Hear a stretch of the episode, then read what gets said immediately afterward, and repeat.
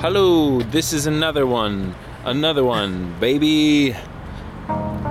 Welcome to Now Is It Alvor uh, with Hans Christian and friends.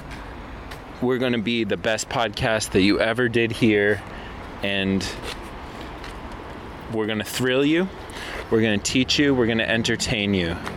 Like Britney Spears once said, there are those of us who observe and those of us who are here to entertain. And we're here to entertain you, bitch.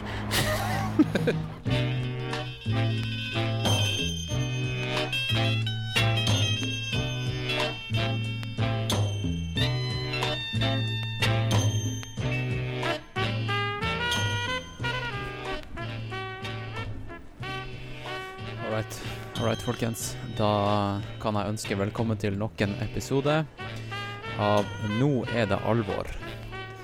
Din favorittpodkast, ikke sant? Din favorittpodkast. Eh, nå kan jeg si det at eh, jeg er på nøyaktig samme sted som jeg tror at jeg spilte inn intro eh, fra, fra ca. nøyaktig ett år sia. Og det er rett med den der eh, VB Samson på Gardermoen. I den internasjonale seksjonen. Um, I fjor husker jeg at jeg sa at det var veldig awkward å stå og inn eh, og stå og snakke inn i en mikrofon alene. Uh, mens det gikk masse randoms forbi. Men i år, ett år etterpå, så kan jeg si det at uh, Uh, nå har jeg ingen problemer med det. Det er faktisk uh, Ja, nå har jeg øyekontakt med en kis akkurat nå, uh, og det går helt fint. um, OK, jeg kan jo fortelle litt hva jeg eh, Hva du kan forvente å høre i episoden, samt hva jeg er på vei til å gjøre nå. Og jeg kan jo starte med, med episoden, kanskje. Fordi, ja Jeg var tidligere denne uka, så var jeg faktisk på besøk hos selveste Sondre Amdal og hun Elisabeth Barnes hjemme hos dem i Trysil.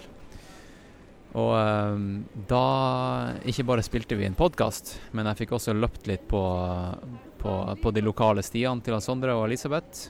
Og eh, fikk eh, bli litt bedre kjent med begge to og hele familien. Og ja, eh, det er litt artig det her, fordi at eh, han eh, Marius, han som, han som har den der eh, Kaptare-podkasten, hvis du har hørt den, Eh, så lagde jo han faktisk en, eh, en podkast med Elisabeth i forrige uke. Eh, og der går de ganske i dybden på liksom hennes oppstart i løping og hele, hele pakka der. Men, eh, så jeg tenkte, jeg tenkte egentlig bare hvis du har lyst til å bli bedre kjent med Elisabeth, så kan du bare gå på Kaptare podkast og høre den episoden der. Uh, mens denne episoden den er dedikert til uh, ganske sånn her spesifikt tema, og det er det er etappeløp, folkens. Etappeløp. Det er blitt eh, min nye favoritt innen eh, innen ultraløping, eller, eller man kan vel kalle det bare generelt eh, terreng... Terrengløp. Jeg vet ikke. Det, man, ja, man kan kalle det etappeløp. Vi lar det være med etappeløp. Um, og hun Elisabeth og Sondre er jo eksperter i etappeløp. De har jo gjort utallige løp eh, av denne kaliberen. De har til og med gjort det løpet som jeg er på vei til å gjøre akkurat nå. Og det er Everest Trail Race, som da går på den her såkalte Everest-trailen. Uh, og det løpet jeg skal gjøre, og uh, det her Everest Trail Race, det er et løp som går over seks dager. Det er seks etapper. Uh, det, det er ganske såkalt self-sufficient, og det vil si at vi må bære med oss stort sett alt. Og det er sovepose og liksom alle typer klær. Eh, bortsett fra Altså alt bortsett fra, fra mat. Vi må selvfølgelig ta med oss mat som vi spiser underveis, men de serverer mat når vi kommer fram. Eh, og vi, må, vi skal bo i telt, faktisk. Ja. Så det her er ganske fett eh, løp, og eh, jeg vet at jeg i episoden med han Stian Dahl Sommerseth, hvis du hørte den, så snakka jeg litt om hva jeg skulle gjøre i Nepal. Og eh, jeg sa også spesifikt at jeg skulle ikke gjøre Everest Trail Race. Jeg skulle gjøre Manaslu. eh, trail race. Og eh, planen har endra seg, folkens. Fordi eh, jeg kan jo si det sånn at eh, jeg blingsa litt på beløpet. Det viser seg at begge løpene var ekstremt dyre. Og jeg fikk en sponsor som hadde lyst til å sponse en, en, stort, en stor del av uh, påmeldinga til Everest Trail Race. Og da var det egentlig bare økonomien som tilsa at Everest Trail Race var det jeg måtte gjøre. Uh, og i tillegg da så kommer jeg jo til å møte Der er det jo høye Altså det er høyere nivå på løperne, så det blir bedre konkurranse. Og uh, det kommer også en ganske kjent kar som heter Ian Corless til, til det løpet for å dokumentere. Og han har en podkast som heter Talk Ultra. Hvis du ikke har hørt den podkasten der, så tar du og går inn på der du hører podkast, og så søker du på Talk Ultra. Eh, forrige episoden var faktisk eh, jævlig bra, folkens. Ta og Sjekk ut den. Eh, og der er målet mitt da at jeg skal få intervjua han. Han som alltid intervjuer alle andre. det hadde vært fett å få et intervju med han. Og så tenker jeg da at den Nepal-turen her den kommer til å generere sjukt mye fett innhold til podkasten.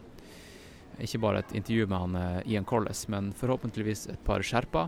Spørre dem hvordan det er å bære alt, alt, alt, utstyret til rike folk som kommer og skal selvrealisere seg sjøl på toppen av verdens høyeste fjell.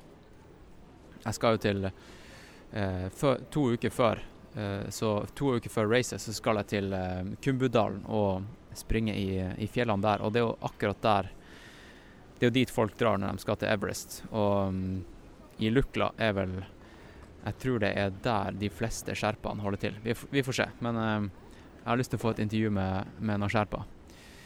Og etter løpet så har jeg egentlig ikke noe sånne særlig konkrete planer. Jeg skal Jeg sa jeg skulle gjøre litt frivillig arbeid, og det kommer jeg til å prøve å oppsøke. Så får vi se hva det, hva det blir til. OK, så denne episoden her, den, eh, den, eh, tar for seg etappeløp. Jeg og Sondre og Elisabeth går i dybden på etappeløp. Maraton de Sable. Eh, og eh, ja, det er jo bare ett av de løpene som, eh, som de, har gjort, de sammen har gjort, gjort, det dritbra på. Så du kan bare, du, det er masse å glede seg til her, folkens. Og selv om du ikke har gjort noe etappeløp sjøl, og kanskje ikke har planer om å gjøre det, så tror jeg vi kan alle lære litt av de her ekstreme ekstreme formene, uh, uansett hva det er, da. Om du driver med Jeg vet ikke, nå, nå sitter jeg og ser på en sånn video av Jamie Oliver som uh, lager mat. Så la oss, si at, uh, la oss si at du går skikkelig i dybden på å, på å lage pasta. Nei, jeg vet hva, det her var det her, Jeg må nesten klippe det her bort. Men vi kan alle lære, alle lære av folk som gjør ekstreme ting. F.eks. han Alex Honnold som frisoloer er halfdome, liksom. Eh, jeg sier ikke at du skal gjøre det, men eh, vi kan lære noe av han. OK, eh, skal vi se her. Det, det, var Det er noen ting jeg må, jeg må si her. Skal vi se. Um, han Stian Dahl Sommerseth som jeg hadde i podkasten for et par episoder siden, han sprang hytteplanmila på 31,46. Grattis, Stian. Du kom deg under 32. Eh, det er en stor accomplishment. Eh, og eh, ja, grattis med det. Og nå brukte jeg et engelsk ord, og jeg fikk faktisk en melding fra en danske som setter veldig pris på at jeg bruker engelske ord, så fordi da skjønner han podkasten enda bedre. Så jeg kommer til å fortsette med det, folkens. Shout-out til han dansken der. Eh, og så var det Lillomarka rundt i helga faktisk i går. Og eh, det var første gang det løpet ble arrangert. Og det var stor suksess, folkens. Det var 49 stykk som kom til start på det her mest low-key arrangerte løpet som finnes i hele Norge. Eh, og når 49 stykk kommer på et sånt type løp, så sier det litt om eh, ja, kulturen, da. Eh, løpekulturen i Oslo. Og det handler ikke om å få ITRA-poeng, det handler ikke om å få Eh, et, eh, et, eh, en medalje eller en, en, en, trøye når du kommer i mål. Det handler om at du hadde det fett i skauen med masse andre folk en hel dag. Og det regna som et helvete, og det var gjørme. og det var semibra merker. Og det handla liksom ikke om prestasjon, det handla om å ha det fett. Og, men selv om det ikke handla om prestasjon, så var det jo folk som sprang fort, og det, det sørga han eh, ja, spesielt han eh, Patrick Stangby og han eh, Sindre Burås for. Og det var han Sindre som til slutt tok seieren. Grattis, Sindre, med din ultradebut. Du har jo gjort det jævlig bra på 5000 meter, og jeg kunne godt tenke meg å få en prat med deg når jeg kommer tilbake til, eh, til Norge. Fordi eh, jeg vil gjerne høre hvordan det var å springe langt når du er vant til å springe kort. OK. Eh, da har jeg sagt det meste, bortsett fra takk.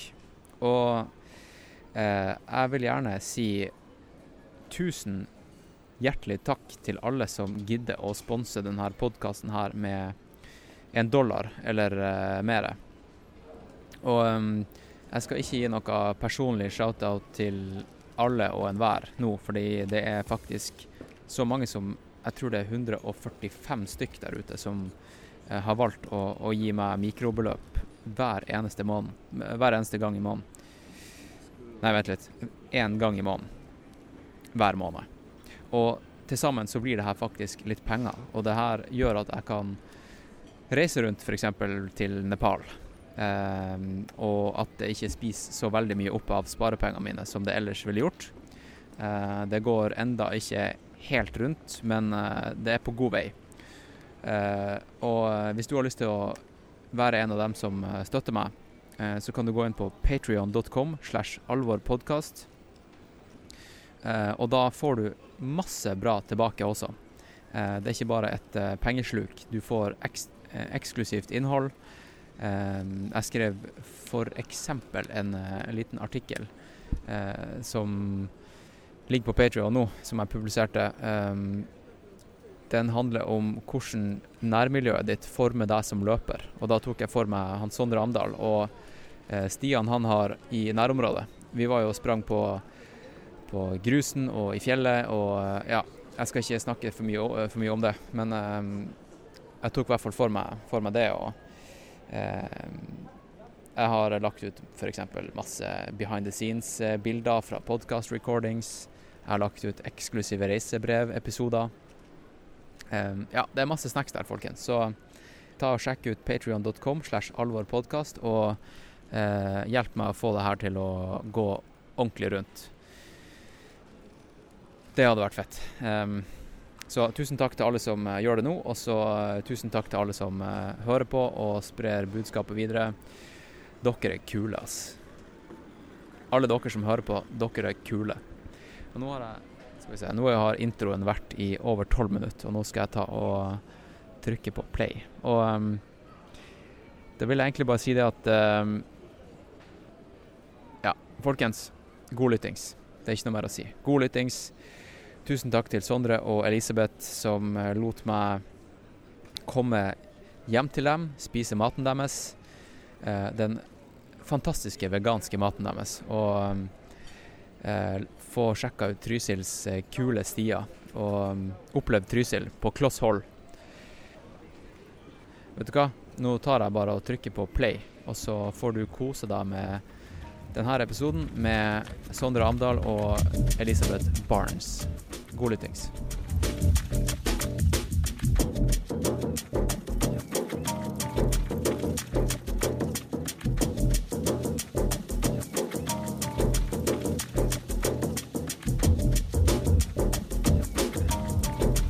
skal vi bare ta en sånn her eh, glidende overgang, tenker jeg. Og bare si at nå har vi starta.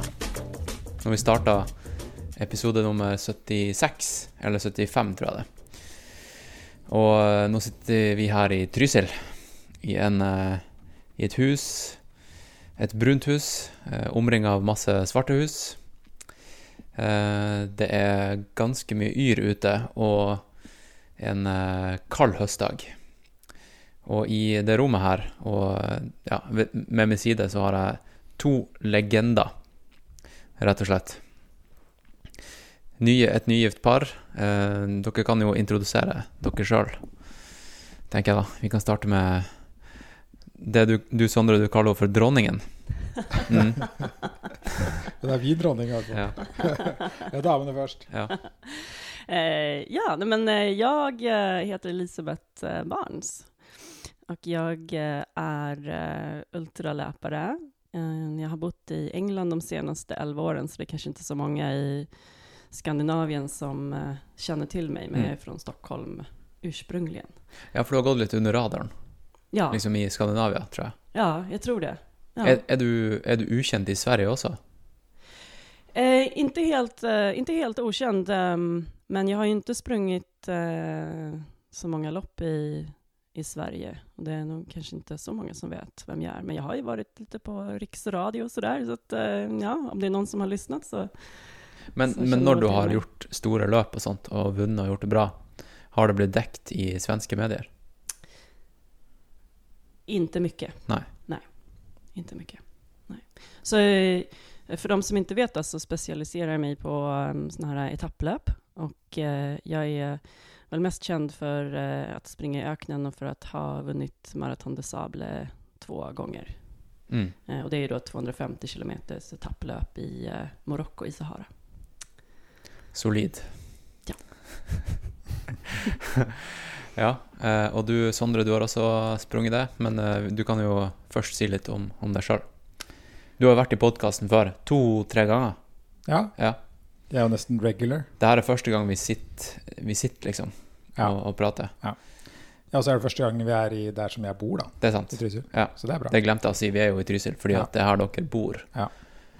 Ja, jeg ehm, Jeg er 47 og far til to, og akkurat da, som du sa, gifta meg Mm. hun som sitter ved min side.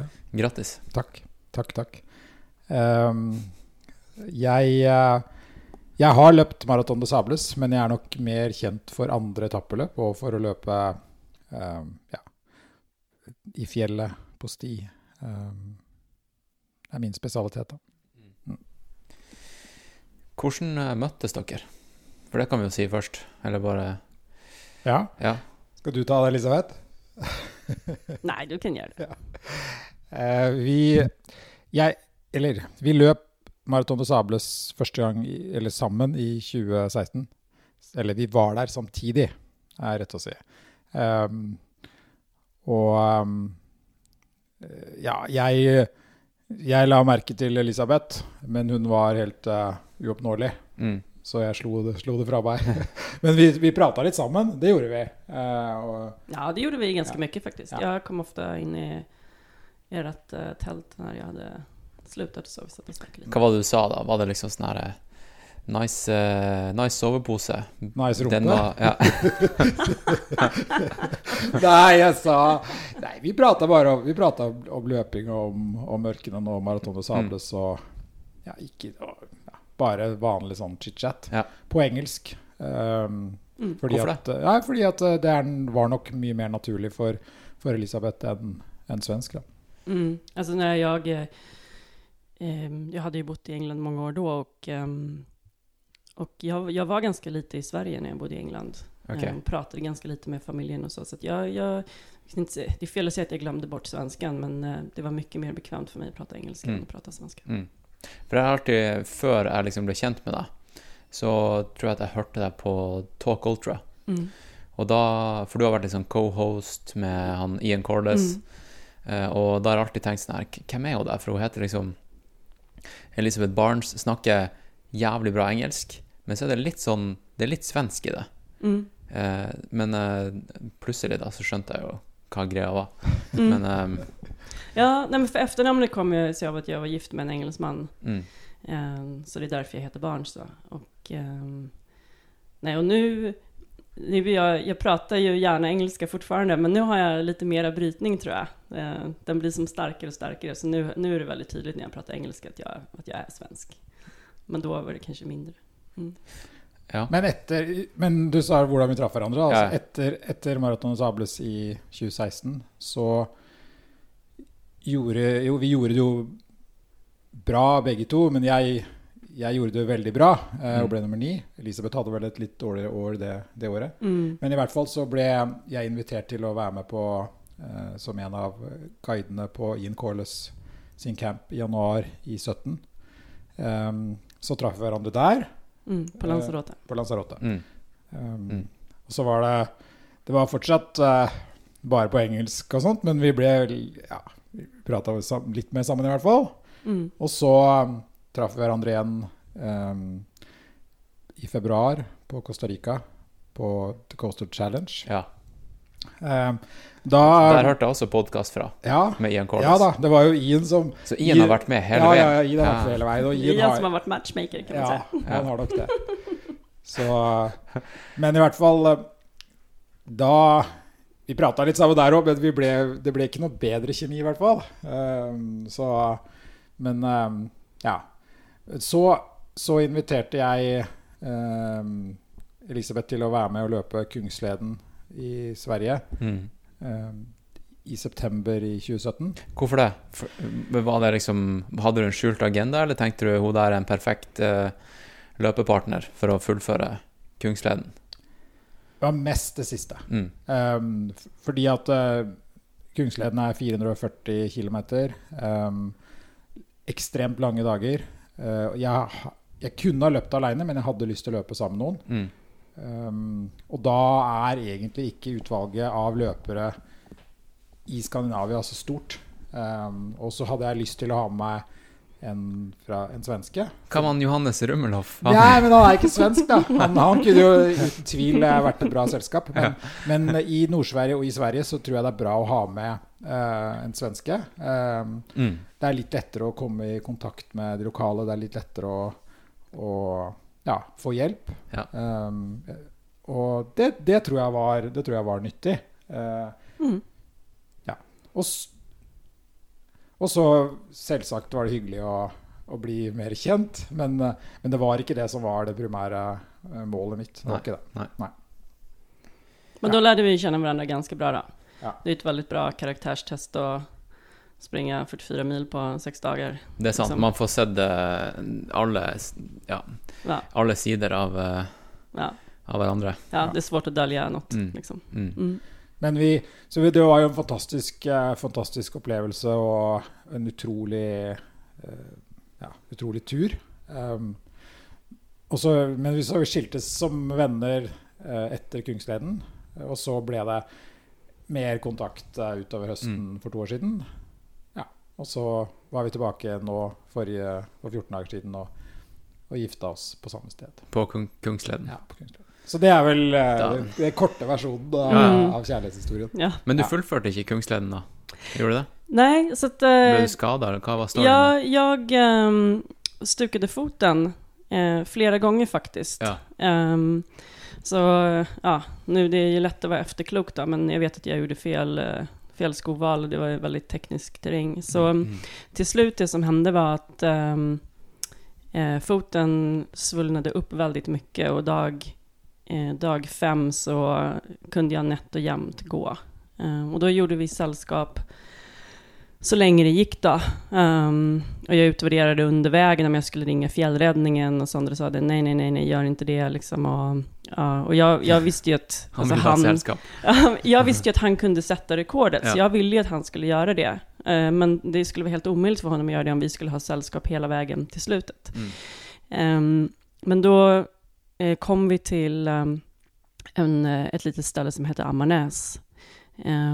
Och därifrån så fortsatte Sondre på egen hand och jag eh, utvärderade olika sätt att uh, ta mig till Hemavan på det, som är liksom slutpunkten. Och det är, om man går man över fjället så är det åt, ungefär åtta mil från Ammarnäs till Hemavan. Men eh, det går inte att köra bil den vägen, utan då måste man köra runt och det är mera som typ, uh, ja, 250 mil eller någonting. Alltså det, det är väldigt långt. Um, Det var ingen som ville köra. Bussen skulle gå nästa dag, någon gång på eftermiddagen och ta väldigt lång tid. Så då skulle vi egentligen inte- se varandra eh, igen. Og och då lyckades jag få tag på en, eh, på en helikopter eh, och förhandla lite. Ja, ok. Ja. um, ringde, och, ringde och sa dem att jag var lite ensam och hjälplös och strandsatt och så gav de mig ett okej pris så jag kunde flyga till Hemavan. Det, det her er litt typisk Elisabeth også. Altså, hvis du vil noe, så får hun det til. Da. Eh, og ja. Og jeg, når vi skiltes i Amarnes, så tenkte jeg at eh, ok, det her var hyggelig, og hun var en flott jente, og den, nå ser jeg det kanskje aldri igjen. Mm. Eh, og så gikk skråstrek løpet jeg ja, utover kvelden der, da, aleine i mørket og syntes litt synd på meg selv. Ja. Så ringte Elisabeth plutselig og sa at ja, jeg ordna helikopter. Og jeg bare what? så ja.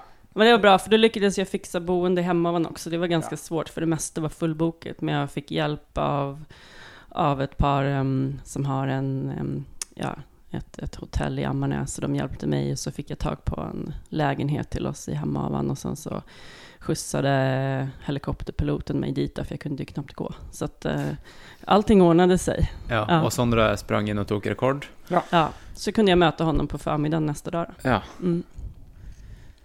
Ja Nå er ikke rekorden Eller det fins Det er to som har løpt raskere enn meg etterpå. Men, eh, men jeg, jeg tror at jeg fortsatt har self-supported eh, rekorden. For vi sprang jo med full pakning. Ja. Vi hadde jo allting, allting med oss. Vi hadde jo telt eh, tält og sovsäck och lite ekstra mat og klær og allting. Så det var jo liksom ingen annen som bar noe åt oss. Mm. Ja. Så det blir litt skillnad når när man springer med typ 6 kilo på ryggen enn om man har noen som bærer allting. Ja, det, det er jo kanskje en perfekt Segway over til eh, det vi skal snakke en del om i dag. Og det er jo etappeløp, og det innebærer jo en del sånn her gear og ja, mye, mye mer enn man kanskje tenker på i et vanlig 50 km løp eller, eh, eller 10 km løp. Mm. Um, nå, jeg skal jo springe Everest Trail Race om tre uker, er det vel cirka. Og eh, Sondre, du har tatt en titt på eh, utstyret jeg skal ha med meg. Jeg, har jeg har fått lånt litt eh, ja, litt kritiske saker av deg. Eh, men vi kan jo kanskje ta og snakke om løp dere har gjort først. Og, og ja. Ja, dronningen kan jo begynne igjen, da. Ja, jeg har gjort 15 etappeløp, tror jeg. Ungefär. 15 etappeløp. Mm. Dæven. Mm. Ja. Ehm, så jag har sprungit uh, nästan överallt, men inte i Sydamerika. Uh, Har du vært på Antarktis? nej, jag skulle säga det, och Mm. inte på Antarktis. Så det är väl de två kontinenterna som skulle vara kul att testa. Då. Da må du gjøre det der uh, Seven Marathons, Seven uh, Continents-løpet. Ja. Ja, men det er ikke etappeløp, da. Nei, Nej, men det blir nesten nästan som det. Ja, jo, Det blir nesten som Det det. blir jo det. Jo, men om det er noen sponsor som lytter, så kan jeg gjøre av er. For det tror jeg koster sånn 500 000. Ja. Det er liksom Dollar. noe någonting som man, bare, bara, som man bare gjør sånn. Um, men det skulle være veldig kul. Mm. Mm. Absolutt. Uh, nei, men jeg har sprunget um, jeg har sprunget sprungit Marathon de Sable fire ganger, og det er jo så kanskje det mest, uh, skal man säga, ikoniska etapploppet i världen då, som startades för eh, 35 år sedan av en fransman som heter Patrick Bauer som eh, gav sig ut på en, en egenorganiserad liksom, hike eh, genom öknen. Um, nu är loppet uh, lite annorlunda än hans uh, rutt som han gjorde då. Um, och det beror lite på ja, politiska situationen i den regionen. Då. Men vi håller oss i Marocko medan han kanske var lite i Algeriet och så. Ok, men hva var agendaen hans? Han skulle bare gå seg en tur i ørken?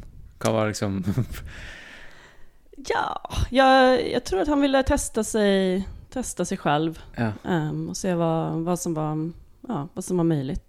Mm. Han, jeg tror han gjorde ca. 300 km. Ja.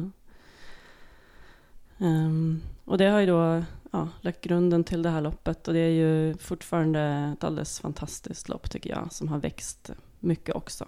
Mm. Um, så nå er det jo mer enn 1000 deltakere. Varierer litt år fra år. De sier jo at det er det tøffeste løpet man kan gjøre, men det, er jo arrangøren som sier det. Ja, er det det syns, syns du de, det er det tøffeste racet? De kaller det for uh, eh, the toughest foot race on earth. Og det er jo mange lopp som uh, vil kalle seg for det. Og mm. um, um, jeg syns det er veldig vanskelig å si hva det som gjør et lopp til, til det tøffeste loppet, för det är så många olika faktorer som spelar in och Mm. olika lopp har olika utmaningar. Men um, um, är det det man försöker se det på något så absolut sätt, då är det det tuffaste loppet i världen? Nej, det är det inte. Eh, Det är faktiskt ganska lätt att slutföra. Um, uh, dropout rate är ju ganska låg för det mesta, runt så 6% eller någonting okay, sånt där. okej. Och det är ju väldigt generösa cut-offs. Så det går ju, det går ju att gå hela loppet. Om Mm. man kan röra sig typ 3,5 kilometer i timmen, då kan man slutföra. Um, Och nu låter det ganska lätt, men 3,5 kilometer om man är i öknen, sand, bär en ryggsäck och det är 40 grader varmt, det är ändå för många eh, jobbigt då. Og for å vinne så må du jo springe jævlig fort. Det måste man. Mm. Mm. Så, mm, nej, jag har gjort, eh, jag har gjort tuffare, lopp, eh, tuffare lopp än det, men samtidigt så eh, den stora utmaningen i Marathon de Sable ligger kanske inte i löpningen, mera i liksom camp life, Mm. som är väldigt primitivt och, Mm. och enkelt. Ja. För att det finns ju en del, det finns ju olika typer av etapplopp. Om man liksom försöker ge någon definition så tycker jag att det finns dels de här helt eh, sådana eh, eh, ja, self-supported, då, självförsörjande loppen som Marathon des Sable där man får bara vatten eh, och kanske någonstans att att sova. Så i Marathon des Sable sätter de upp väldigt enkla tält, alltså med typ en duk på några pinnar. Eh, men du bär ju med dig sovsäck, lite extra kläder, mat, eh, allting du behöver. Du har hela ditt liv i en liten ryggsäck som väger typ, ja, mellan 6,5 och kanske 9-10 kilo Mm. på startlinjen. Och så får du vatten på checkpoints och i camp. Sen så finns det lopp som er da uh, semi-self supported. Um, og da Ja. er jo Everest Trail Race et sånt lopp. Det er det, ja. Ok. Ja. Fordi Så der får du, du, du har en viss obligatorisk utrustning som du måste bära med dig. Så du bærer på din sovsäck, jacka, kläder, eh, lite annat som de tycker att du skal ha. Men du får eh, tält, du får en madrass Du får mat. och du får mat. Mm. Och sen så finns det då eh, lyxvarianten av etapplopp som er da eh, helt supporterade. Sånn som UTMR, som jeg gjorde. Ja, Ja. UTMR kan, kan vara ett sånt och eh, Coastal Challenge i Costa Rica till exempel Mm. som Sondre nämnde. Så där det enda man behöver, det är nästan, jag tror nästan i Coastal Challenge, det är nästan ingen obligatorisk utrustning. Du behöver bara ha en liten, noe en, någonting att bära vatten i när du springer etapperna. Så sätter de upp eh, checkpunkter under varje etapp. Um, och, eh, och sen så är det ett catering-team som åker med, som lagar all maten. Och så transporterar de eh, din bag med bagage Mm. från kamp till kamp. Så du kan ha en eh, 20 kilos så här duffelbag med dig, typ, med allting du behöver. Så, så i teorin kan man ha liksom ett nytt rent så här run kit till varje dag, liksom tre par skor, ja, liksom foam roller, allt man vill ha. Så det, Mm. eh, och så i, i kamp så har de lite barer och sådär. Så det är liksom, ja, det är lyxvarianten kan man säga. Så det är som tre olika kategorier som jag tycker man kan dela in etapplopp i. Då. Ja, så kan du nevne de forskjellige løpene som du har løpt i hver kategori. da. Du har jo løpt I Ja, tillegg til maraton des Sables. så har jag sprungit, um, sprungit Big Red Run i Australien som inte går Det var det, ja. längre tyvärr. Eh, Det var då eh, eh, sånt eh, supported lopp. Eh, Så har jag sprungit Coastal Challenge i Costa Rica två gånger. Så har jag sprungit Everest Trailers i Nepal en gång. Och sen så, vad är det mer jag har sprungit? Oman. Just det, jag har sprungit i Oman. Oman Desert Marathon som är ganska likt Marathon de Sable, bara det att det är mycket, mycket, mycket mer sand. bara sant. Okej. Okay. Um, så jag har sprungit eh, lite, jag sprungit ett par etapplopp i England. Eh, sen har jag sprungit eh, Grand to Grand i USA, så jag har sprungit Transrockies i, också i USA. Da. Ehm, Hvordan har du fått tid til det her? Når starta du å løpe? jeg begynte min, eh, min, jag började med ultraløpning i 2011. Så mitt første løp var faktisk et ett svenskt løp. Det var Lidingö Ultra 50K. All right. Og der kom jeg på fjerdeplass, og och så syntes jeg at ja, men det, det her kanskje jeg kan... eh, Det var ganske ganska kul, det gikk jo ganske bra. Mm. Um, og det var jo da i trening for mitt første Marathon de Sable, som jeg skulle springe i 2012. Så det var så jag började. Jag började, jag började Så du visste at du skulle springe? jag visste, Marathon att, ja, jag visste att jag skulle springa Marathon des Sables då, då gjorde jag mig en plan för jag tänkte att jag kan ju inte bara gå från noll eller från liksom maraton, jag hade sprungit ganska många maraton innan. Hur går man från maraton till 250 kilometer i öknen. Mm. Och då så tänkte jag, ja, men jag måste springa, bli lite mer van till ultra, så då sprang jag 50 kilometer som jag tycker är perfekt entry till ultralöpning. De flesta har sprungit ett maraton, så 50 kilometer är liksom, det är bara lite längre, men då kan du kalla dig för ultralöpare. Mm. Och sen Mm. så sprang jag 50 miles, som är då som ett dubbelmaraton kan man säga. Och eh, efter det så sprang jag ett eh, 100 kilometers lopp nonstop. Eh, och sen gjorde jag Marathon de Sable. Och efter Marathon de Sable, då kände jag mig redo att ta springa lite längre, så då gjorde jag några 100 miles lopp och ett, eh, et løp lopp som eh, er 235 kilometer også nonstop. Så det er lengst jeg har løpt. Hva var det slags løp? Um, det er et lopp i England som ehm, heter Grand Union Canal Race.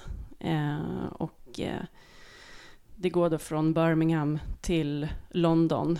Uh, og så følger man Grand Union Canal. Så det er et extremt platt Ja. lopp. Den største bakken er vel en sånn ja. road bump liksom. Um, og så, ja, det, det, det är väldigt eh, eh, monotont kan man säga. det är ingen direkt variation i det man ser eller i, eh, i terräng direkt. Man springer på en liten sån här stig längs, längs kanalen då, i ganska många timmar. Man kommer inn till London. Ok, så du har sprunget mye. Mm. Ja. Mm. Gjort mange race. 15 stage race. Ja. Eh, hva har vært det, det du husker best, da, av alle? Det är, alltså, för mig så är ju Marathon de Sable, tror jag, mitt, mitt favoritlopp. Det lopp som ligger mig närmast hjärtat. Mm. Och, eh, och kanske det som jag minns bäst. Jag, jag tror mitt bästa minne det är Marathon de Sable 2017. När jag vann för andra gången.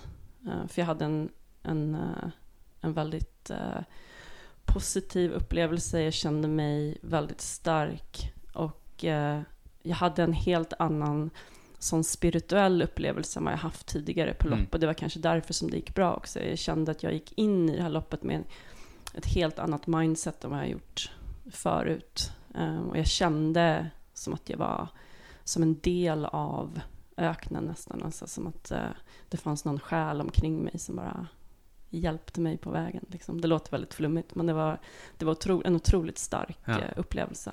Mm. Ja, Sondre, du himler litt med øynene her nå. Eh, har, har Sondre du, er liksom ikke riktig sånn, da. Jeg er kanskje litt, så här, lite mer... Det er forskjell på menn og kvinner, er det ja, det? ja. Har du hatt noen sånne spirituelle opplevelser på, på stien? Ja, det har jeg sikkert. Mm. Det jeg sikkert. Jeg har løpt uh, mange fantastiske løp og, og sett mange flotte steder. Og jeg har, jeg har kanskje Det har lignende minner fra kanskje Everest Trail Race i 2017. Da. Ja. Um, men, eh, men for meg er det, er det mye det å få løpe med andre gode løpere Mm. uh, som, som gir lignende opplevelser. Mm, ja. Hvilke etappeløp har du gjort, da? Fordi alle vet at du har gjort, eh, gjort mange andre legendariske Ja. løp. Ja, det starta med, med Marathon de Sables i 2016. Mm. Og så har jeg løpt eh, Oman Desert Marathon, um, Transalpine, uh, Jungle Ultra i Peru, um, Everest Trail Race Tja Er det flere? Ja, vi sprang jo i Marokko i juni. Transatlas. Ja, ja, ja. I Så vant jeg. Transatlas i juni. Det er sant. Mm. Så jeg har løpt ja, fjellet, ørken og i jungel. Eh, Ingenting på snø. Nei, og det, det ligger litt i korta. Jeg har veldig lyst til å gjøre det, og tror at eh, jeg kan eh, klare det veldig bra. Så Hvordan, det er hvordan snøetappeløp finnes det? Nei, det fins jo, det finnes jo eh, Iditarod Trail Invitational i, i Alaska, um, som, er leng, som er veldig langt. da Ja. uh, og som, som jeg nok ikke er kvalifisert til å en gang bli invitert til, tror jeg. Um, men også fins det i, i Nord-Sverige så finnes det jo Ice Ultra, eksempel, som er det samme formatet som vi snakker om her, altså 250 km på eh, seks dager. Mm. Um, som jeg har um, Som jeg snuser litt på. Okay. For jeg har jo trent veldig mye om vinteren. Veldig mye i kaldt vær, veldig mye på snø. Um, som er naturlig når man har bodd 30 år i Trysil. Um, og så svetter jeg lite. Um, sånn at jeg tror at uh, Det er en bra ting. Ja, i, i, for å løpe om vinteren, så er det Så tror jeg det er veldig bra. Ja, det er sant. Og så er jeg, og så er jeg veldig vant til å, å kle meg eh, til vinterløping. Så Mm. ja, kanskje. Hvilke paralleller kan du dra til eh, å løpe på snø og løpe på eh, i sand? Ja, det er veldig likt. Det er likt, ja. Um, Så og- nordmenn har kanskje en bra Altså de, de, de, de nordmenn som eh, driter i vinteren og bare springer skiløypen, de er bra rusta for å stille på ørkenløp og gjøre det bra. Ja, ikke så mye de som løper i skiløypa, for at skiløypa er jo som regel eh, Ja. preparert sånn at den er helt plan. Men de som løper i vinterfjellet, som løper um, eh, utenfor stien um, i fjellet, de har mye eh, erfaring som de kan ta med seg inn i ørkenen. Og det er jo særlig fordi at vinden lager eh, ja, vindlepper og, og forskjellige formasjoner eh, i snøen, og gjør at den er mer hardpakka noen steder og løsere andre steder. Mm. På le-sida, lo-sida etc. Og det er akkurat samme i, i ørkenen. Så, så um, vinden blåser der òg, selvsagt, eh, og, og skaper noen, noen steder som er, som er hardpakka, og som er lett å løpe på. Det som mange kanskje er redde for, det er jo varmen. Mm. Eh, Det er kanskje naturlig som skandinav at man er orolig for det. Og det var jo jeg. jeg ehm, det var väl min största oro innan jag gjorde mitt första Marathon de Sable, för jag hade aldrig sprungit i värme på det sättet. Men det gick faktiskt väldigt bra och eh, människan är ju väl anpassad till värme generellt. Och eh, värme är någonting man kan akklimatisere akklimatisera sig till på cirka tre veckor. OK. Um, så att eh, det betyder Brukte inte jag man behöver vara sånt? rädd för. Uh, ja, jag har gjort, använt uh, många olika metoder. då. Så att, um, dels så har jag sprungit uh, många timmar i, um, i sån här heat chamber, som värmekammare. Okay. Det är ganska, finns ju på ganska många Men ställen i England? England. Ja. Ja. Så ofta på um, universitet som har såna här sports science uh, uh, faculties, då, de Mm. har ju ofta sån environmental chamber da, som man kan sette til varme eller kyla eller så. Det har du ikke her i Trysil. Nei, Her så, det ikke noe nei, så vidt jeg vet, så er det vanskelig. å- Og, jeg, jeg test, har testa det og Ja. prøvd å finne det før, um, før mine etappeløp i varme. Og har ikke, har ikke funnet det som er åpne for publikum. Det fins selvsagt varmekammer som kanskje forskere bruker, eller som militære Mm. bruker. Men for, eh, som vanlige folk kan, kan uh, bruke, fins ikke. Så vidt jeg vet i Norge. Nej. Men då går det ju att göra mycket annat. Uh, så att uh, hot yoga är ju, är, Ja, kan ju være vara väldigt sant. effektivt. Ja. Um, man kan sitta i bastun. Um, speciellt om man gör det efter att man har, direkt efter att man har tränat. Man kan också ta varmt bad efter träning. Mm. Ehm, så faktiskt för Marathon de Sable 2017 gjorde jag ingen värmekammare utan jag tog eh, ganska många varma bad, hot yoga och sen åkte jag till Marocko några dagar innan, någon vecka innan. Um, och sen kan man göra så som jag tror Sondre gjorde, man kan skapa lite av sin egen värmekammare så man har ett litet rum med ett löpband eller en cykel eller något så kan man sätta in några eh, extra element og ta på seg litt extra klær. Det tror Ja, jeg ikke bare lite heller. Ikke bare lite heller. Altså, det, det er ganske enkelt å gjøre selv, men, men det kan være ganske farlig, så man må passe Ja. på. Ja. Men jeg, der som jeg bodde før, så var kjelleren, eh, stengte dørene, eh, satt på varme om, fyrte i ovnen, Ja. eh, tok på meg alle klærne jeg hadde, eh, votter, lue, dunjakke, eh, løp på mølla. Mm. Eh, og, og det er ekstremt varmt, selvsagt, og en kjempepåkjenning. Ja. Det som er viktig, er at det må komme noen inn, inn og se Ja. litt uh, til deg innimellom. At, Ja. at du eh, faktisk uh, er Det är är bara att fortsatt komma in löpande. någon kanske var tionde minut varje kvart eller och kolla er ok. For det er nemlig så at når man, når man akklimatiserer seg til varme, så skal man få upp eh, kroppstemperaturen liksom över 38,5 grader, så här, core temperature. Men problemet blir når du går over 39 upp mot 40. Da kommer du over 40, da kan du dø. Så att, altså, du måste vara väldigt försiktig att du inte går, tar det för långt. Då. Okej. Så att det är bra att det är en lite kontrollerad miljö. Det är det som är så bra med en värmekamera. Då kommer det in någon ehm, ja, åtminstone varje kvart och, och mäter ja. din core temperature. Eller så springer du med en sån här rectal probe. Då. Det är inte så nice, men det... Ehm, så att det är någon som har koll hela tiden. Ja. Ehm, ja. Men eh, kroppen og mennesket er jo ganske fascinerende laget. Sånn at det som skjer, er jo så, Du vil svime av, og så. Så hvis du får deg noe å drikke og kobler deg igjen, så, så går, det, går det som regel bra. Vi må ikke framstå som at det er livsfarlig, dette. For det er det jo ikke. Nei, nei, nei, det er det ikke. Man skal bare være litt forsiktig. Ja. Og sen er det jo, så det er jo det är ju liksom, eh, ja, det tycker jag är väldigt, väldigt viktigt om man ska springa i värme, att man inte ignorerar det. For för då kan man ju få ganska stora problem. Um, så det kan hjälpa väldigt mycket att göra det. Men sen kan man ju också då prata om eh, Everest Trail Race då, som du ska til, till. Då har du ju höjd. Mm. Um, och det ska man heller inte ignorera. Nei, for at eh, altså, en del av greia med det løpet er jo at uh, du kan ta sånne her chartra fly fra England direkte til løpet. Og spør du meg, så er det litt crazy å bare dra rett til uh, Dra Mm. rett til Nepal og bare stille til start og springe opp til 4001. Mm. Eh, har dere noen triks for høydetil, høydetilpassing? Ja, altså, det er klart um, Det huset her, det er ikke sånn her eh, høydehus. Ja, Det har, du ikke, har du ikke sett det? Nei da, det er, det er et eh, høydehus i Trysil, faktisk. Men det har jo Olympiatoppen forbudt. Fordi at norske løpere får jo ikke lov til å bruke eh, høydehus. Men du er svensk, da, Ja, eh, Elisabeth.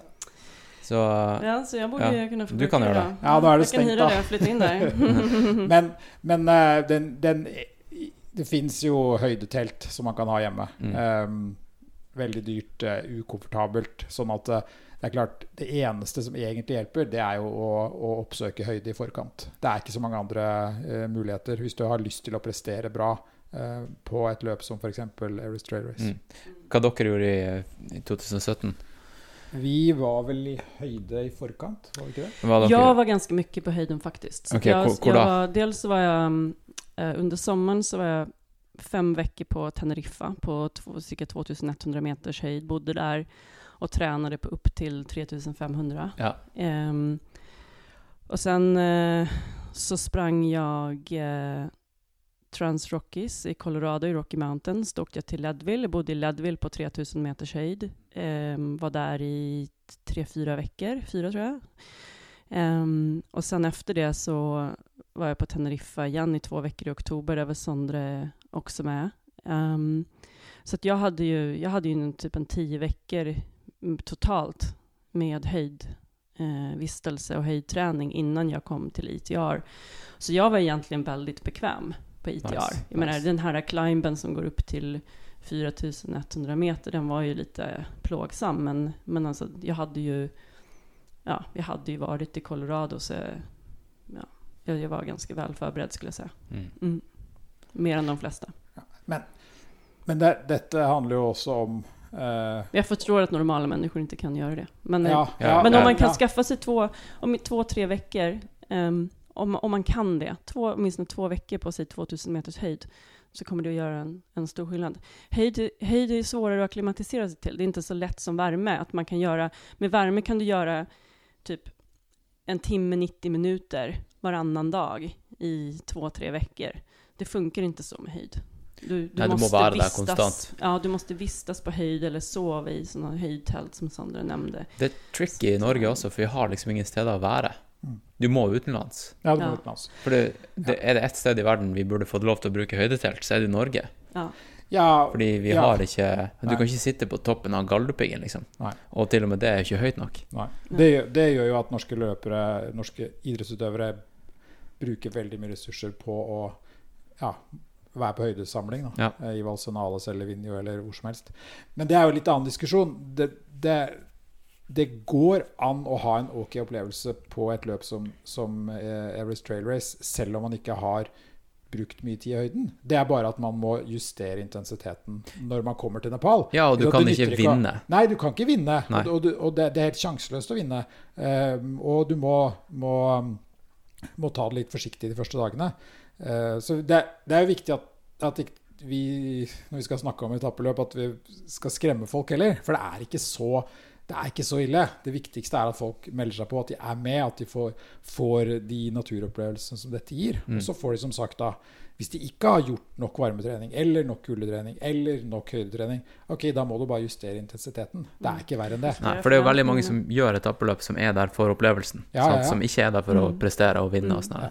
Men eh, det Ja. jo også, också nu bara lite till om, om høydetrening, så fins det jo faktisk forskning som viser at um, du kan få lite effekt om du gjør varmetrening. Mm. Så att det kan, om man ikke kan gjøre noe på höjd eh, innan ett etapplopp i höjden så kan man ju då göra värmeträning och förhoppningsvis får man en liten tillpassning av det. Um, ja. Men så ska man ju vara, alltså hur man reagerar på höjd är ju extremt individuellt. Det går ju att, få höjdsjuka på typ 2500 meter. Um, och det är ingenting att det är ingenting att leka med alltså.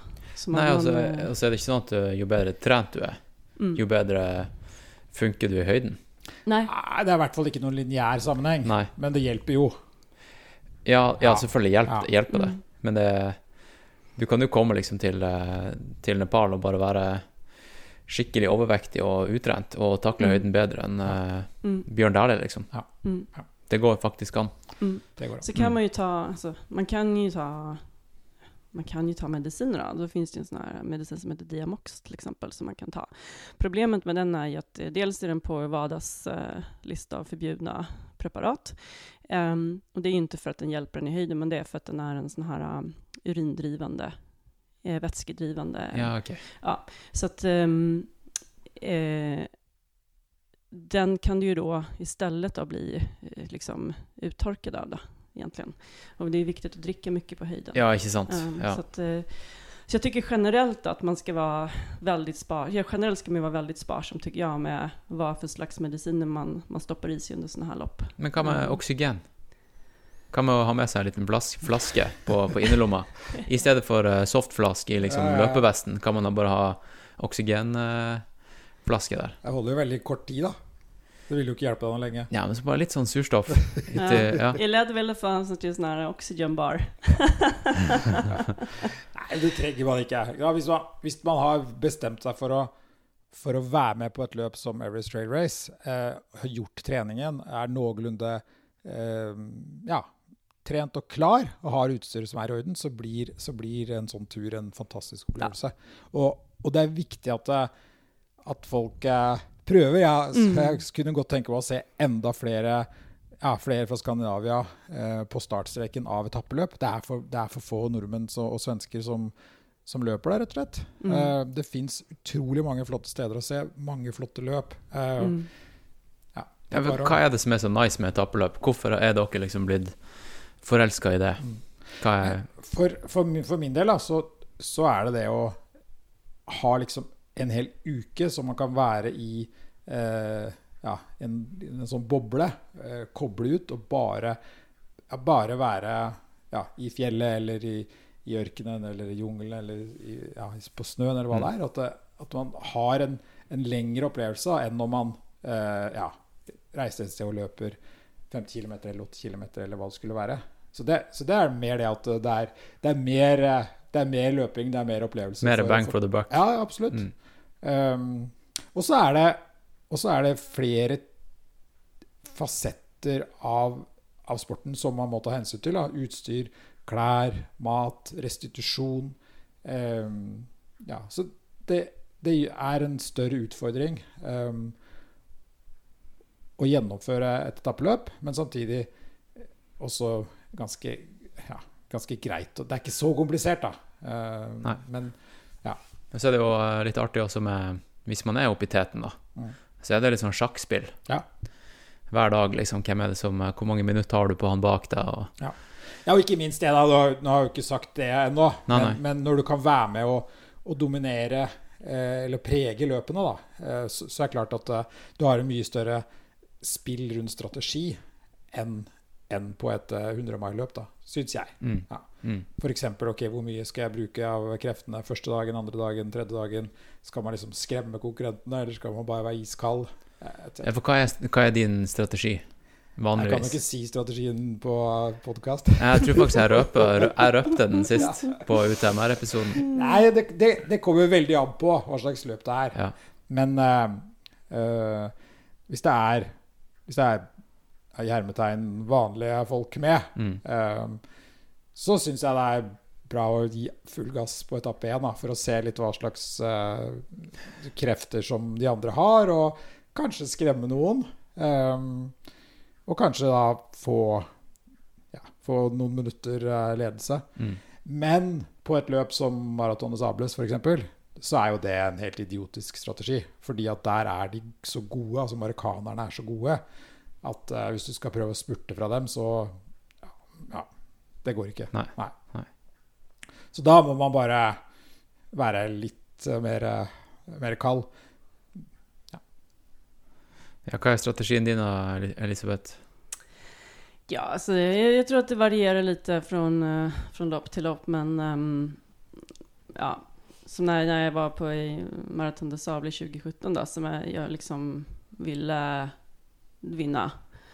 Uh, Du bare stiller til start, du, det er nok til å skremme konkurrentene. Där, det er det. Ja, men der, der bestemte jeg meg for at um, jeg skulle Ja, jeg skulle, skulle vise hvem, hvem, det er som er kung här, typ eh, på dag ett. Så jeg, jeg sprang veldig hårt, eh, faktisk de første typ fem kilometerne av etappe ett. Um, for att skapa mig en lucka och för att visa att jag var stark, jag var där för att vinna och uh, don't mess with me, typ. Mm. Och det funkade. Um, så att... um, eh, annars så brukar jag ha en lite mer försiktig strategi faktiskt. Um, för jag är ganska bra på att um, pacea mig själv och jag vet att jag är stark, ofta stark andra halvan eh, av en etapp. Så, jag, så att jag, jag brukar gå ut lite, lite mer konservativt. Ehm, men det beror lite på. Liksom. Så, det som är intressant med etapplopp, det är ju att um, allting kan hända. Verkligen allting kan hända. Du, du vet inte hur du kommer att känna dig nästa dag. Och visst, det är viktigt att, um, att pacea sig själv över hela veckan eller alla etapper. Så, att, så att det är ju liksom ofta inte så smart att gå ut så stenhårt på dag ett för att då kanske du ödelägger hela loppet. Men samtidigt, du kan inte hålla tillbaka för mycket. För tänk om du blir magsjuk. Mm. Eller tänk om du blir skadad. Som till exempel när vi sprang Transatlas i juni. Så Sondre hade en liten skada på, på startlinjen, men han var liksom okej. Men, ehm, men eh, han sparade liksom inte på krutet. Han skapade sig en ordentlig lucka och det gjorde att han vann loppet. För sen de två sista dagarna så sprang han med väldigt, väldigt mycket smärta för att han var skadad. Mm. Um, men då hade han den här luckan som gjorde att, att han ändå kunde vinna loppet då. Och det var lite samma för mig. Jag hade en stor lucka och sista dagen var bara så här, ja då var jag liksom ganska trött mentalt och fysiskt och så tog jag det bara lugnt. Men jag hade ju liksom två timmar, det var liksom inte en chans att någon skulle ta mig liksom. Så då kunde jag bara ta det lite lugnt. Så jag tror att ehm, man kan aldrig ta någonting för givet i ett etapplopp. Känner man sig bra, då springer man. Och sen fokuserar man allting när man kommer i mål på att återhämta sig till nästa dag. Har dere noen sån her eh, recovery-strategi? Så hva, hva er det dere gjør når dere kommer i mål på et etappeløp, og det er liksom fem dager igjen? Mm. det er kanskje tolv timer til neste etappe starter. Hva er det dere gjør for å komme dere i shape så fort som mulig? Eh, jag ser till att så fort jag kommer i mål så, så äter jag någonting eller tar en recovery shake. Mm. Um, så jag får i mig kolhydrater och protein. Um, och sen så, så efter ett tag igen så försöker jag äta någonting. Så mat är väldigt viktigt då. Och då är hur mycket man kan äta beror ju på ifall loppet är då som self-sufficient eller inte. Så har du begränsat med mat Ja. så får du ju ta det du har. Men jag ser alltid till att jag har åtminstone en recovery shake till, som jag tar på en gång. Så fort jag kommer i mål på en Mm. gång. Och sen så, ja. Eh, man gör det som måste göras om man typ ska tvätta sig lite eller någonting. Men sen är det bara lägga sig ner, vila, fötterna högt, stretcha lite, slappna av. Spara på krafterna. Bruker du noe sånn her Compex eller noe sånn elektromagnetisk eh, magnetisk, eh, stimuli? Nej. Nej. Nej, aldrig. Eh, massasje? Det er noen race som har massasje i camps. Ja, om det fins, så bruker jeg det. Ja. Mm. Men hvis man skal gjøre det, så må man være vant til å få massasje. Ja. Og Det, å by Da kan jeg si til lytteren at eh, jeg gikk tom for batteri, og nå har jeg putta inn et par nye batterier fra Energizer. De skal holde lenge. Ja, for det är litiumbatteri tror jag. Mm. Bra grejer Ja, i det här hushållet. Bare det beste her. Her er det bare- Ja. Ok, vi, vi prøver på nytt. Eh, Hva var det vi snakka om, egentlig? Det Jo, var- vi, vi pratade om, eh, om massage efter eh, Ja. loppet, ja. Um, jo, så vi, um, vi sa ju det att um, Jo, att inte så, alltså massage kan ju vara väldigt bra där för restitution, men om man inte är så van att få massage så ska man ju kanske vara lite försiktig med att testa det första gången i ett lopp. Och Mm. gör man det så måste det vara en väldigt lätt, en lätt massage, bara för att få lite ehm, blodflöde genom musklerna. Ingenting djupt, för att en djup massage ehm, kan ju bryta ner muskulaturen lite grann. Det är Mm. nästan som att träna, få en djup massage. Det tar, kan ta lite tid att återhämta sig från det. Så. Ja, og du har jo sikkert allerede litt sånn rabdomyolyse i kroppen, så Ja. det er ikke vits å bryte Nei. musklene ned mer. Nej. Jeg, jeg tror det viktigste er å bare selvsagt å spise og drikke, som Elisabeth sier, men så er det å hvile. eh, Og bare, bare ligge på ryggen, slappe av. Eh, Og jeg syns at en del folk som løper etappeløp, eh, de er for, for sosiale. De skal liksom prate med alle og, og ja um, Sosialisere med alle. Jeg liker bare å være for meg selv og, og fokusere på, på det som jeg skal gjøre, og neste dag og løpet og Ja. og ja. Men Det, det, det, er ikke, det er ikke perioden liksom å, å date eller å, å som Sier du som livsledsageren. Ja. Det beror på hvorfor man er der også. Menar, Jo, jo, men Eh, og hvordan man er ja, om man skal prestere. Men det beror på hvorfor man er der, og hur, lite hur man är funtad som person. Liksom. En del människor får ju kanske väldigt mycket energi från att liksom socialisera och prata med andra och tycker att det är jättefint. Och, Ja, en det är del, och det är ju en del, liten del av upplevelsen och jag tycker att det är kul, men jag måste också få min sån me-time och liksom min tid för, för vila efter en etapp. Så det, det är viktigt. Och där kan det variera lite dag från dag också hur man känner. Men för mig är det viktigt att gå och lägga mig i tältet eller på något lugnt ställe, lägga fötterna högt ehm, och eh, ja, kanske lyssna på en podcast eller lite musik eller eh, någonting avslappnande, sova lite. Ja. Hva er favorittpodkasten? Nå er det alvor. Trick question. Nei, men eh, seriøst, hvilken podkast hører du på? Eh, jag lyssnar på, eh, jag lyssnar egentligen på lite allt möjligt, eh, gör jag. Men eh, jag är ju ganska intresserad av eh, mat och hälsa och så. Så Mm. jag, eh, en av mina favoritpodcaster är en eh, som heter Plant Proof med Simon okay. Hill, som är väldigt intressant. Som handlar mycket om plant-based eh, kost. Um, ja, mycket vetenskapsbaserat. Mm. Mm. Og du da, Sondre? Du hører på podkast, eller? Ja, jeg hører på podkast. Jeg har hørt på podkast i, i mange år, og, og hørt på uh, min andel både løping og kosthold og alt mulig rart. Så det varierer litt. Det kan være, det kan være løping, det kan være livet generelt, det kan være ritual, det kan være Ian Collis. Eller det kan være uh, Jeg hørte på et, årets pod som er svensk, eller årets svenske pod i fjor, okay. som heter Alla våre ligg. Ah, ja, ja, jeg, jeg, har Ja, den er hørt, kul. jeg har hørt om Den Er den. kul, Ja. ja. Som er ja. og to hyggelige svenske jenter som snakker positivt om sex. Og seksualitet. Ja. Ja, Så det kan være litt forskjellig. Mm. Ja. Du var inne på, på plantebasert kosthold. Det, det er et sånt tema som er snakka kanskje litt for mye om. Kanskje vi er litt lei av det? Er vi det? Ja, ja er, er det kan sånn hende. Men, men, Men, eh, eh, men vet du hva jeg tror med det? At, at um, ja, det kanskje, det kanskje, man er, men jeg um, jeg tycker til viss del så er så veganrørelsen litt å skylde til det. Um, for att Ja. det, det, det framställs inte alltid som, um, som, som så väldigt positivt, men det finns väldigt mycket positivt med det. Men jag tror att folk blir lite trötta på det för att det kanske känns som en liten så här allt eller inget eh, är liksom att du måste bli, du måste äta allting plantbaserat och så kan du inte ha en dunjacka och så liksom allting liksom. mm. Men det är ju inte så. Alltså, det, alla kan göra ett litet, litet steg kanske till att äta lite mindre kött, vilket är bra för hälsan och bra för miljön och bra för djuren. Liksom. ja. ja for hvordan, eh, hvordan standpunkt har dere her nå i huset? Sondre, du har vært i, i D2 og liksom fronta at du er 100 plant-based. Mm. Er du fortsatt det? Nei. Nei. Det er en lang historie, men jeg har vært vegetarianer i, eh, i mange år. Mm. Uh, og så prøvde jeg å spise bare planter, 100% plantebasert, i, uh, i noen år. Uh, I hovedsak for prestasjon og ja, for, å, for å se hvor langt jeg kunne ta kroppen min. Um, med både trening og utstyr, og Mm. også da mat.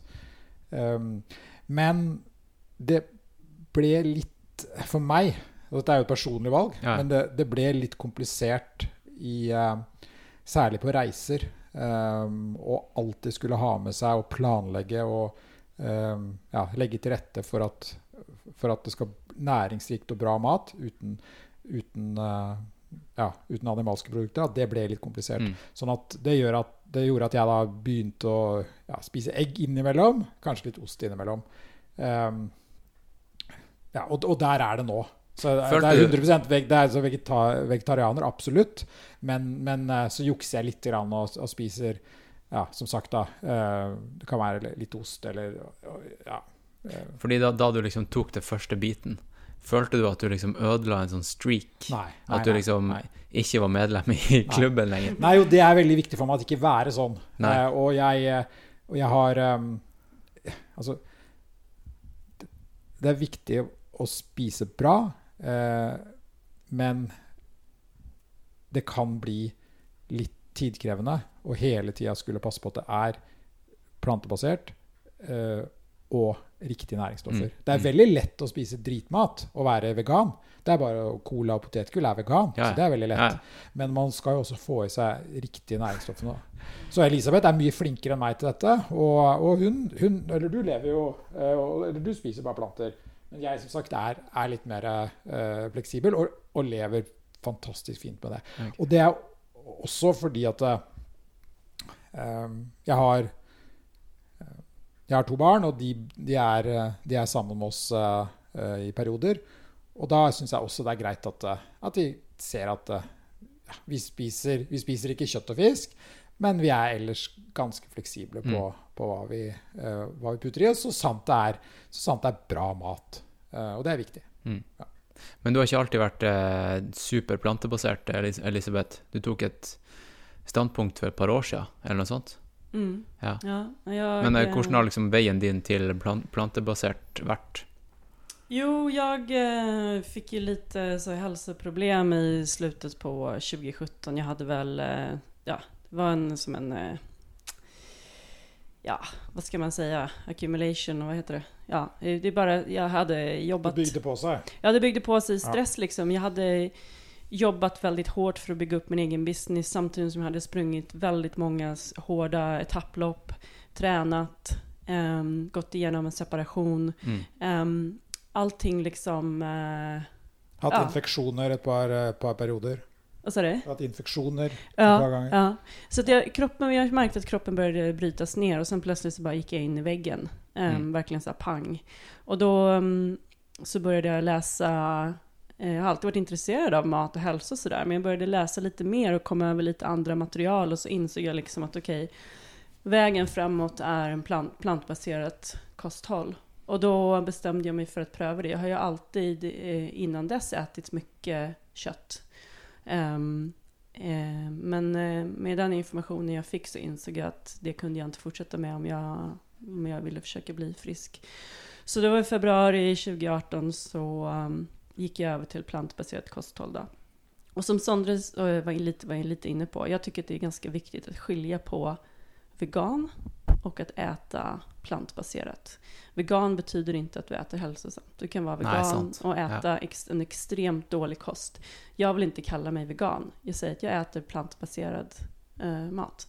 Och ehm, lagar, lagar mat från scratch av god kvalitet till den, i den mån det är möjligt. Mm. Um, och um, jag skulle säga att jag är 95% plantbaserad. Så att de flesta dagarna så äter jag bara plantbaserad och sen ibland så gör jag något litet undantag. Jag kanske äter någonting med ägg i eller jag kanske äter lite getost eller fårost någon gång ibland. Det beror lite på vart man är eller sådär. Så jag, det är ganska strikt men jag vill inte att det ska vara liksom, ja, det, det behöver inte vara liksom 100% hela tiden. Det trenger ikke å være religion. Nei, ikke sant? Det er der nei, det og bikker over for mange, da.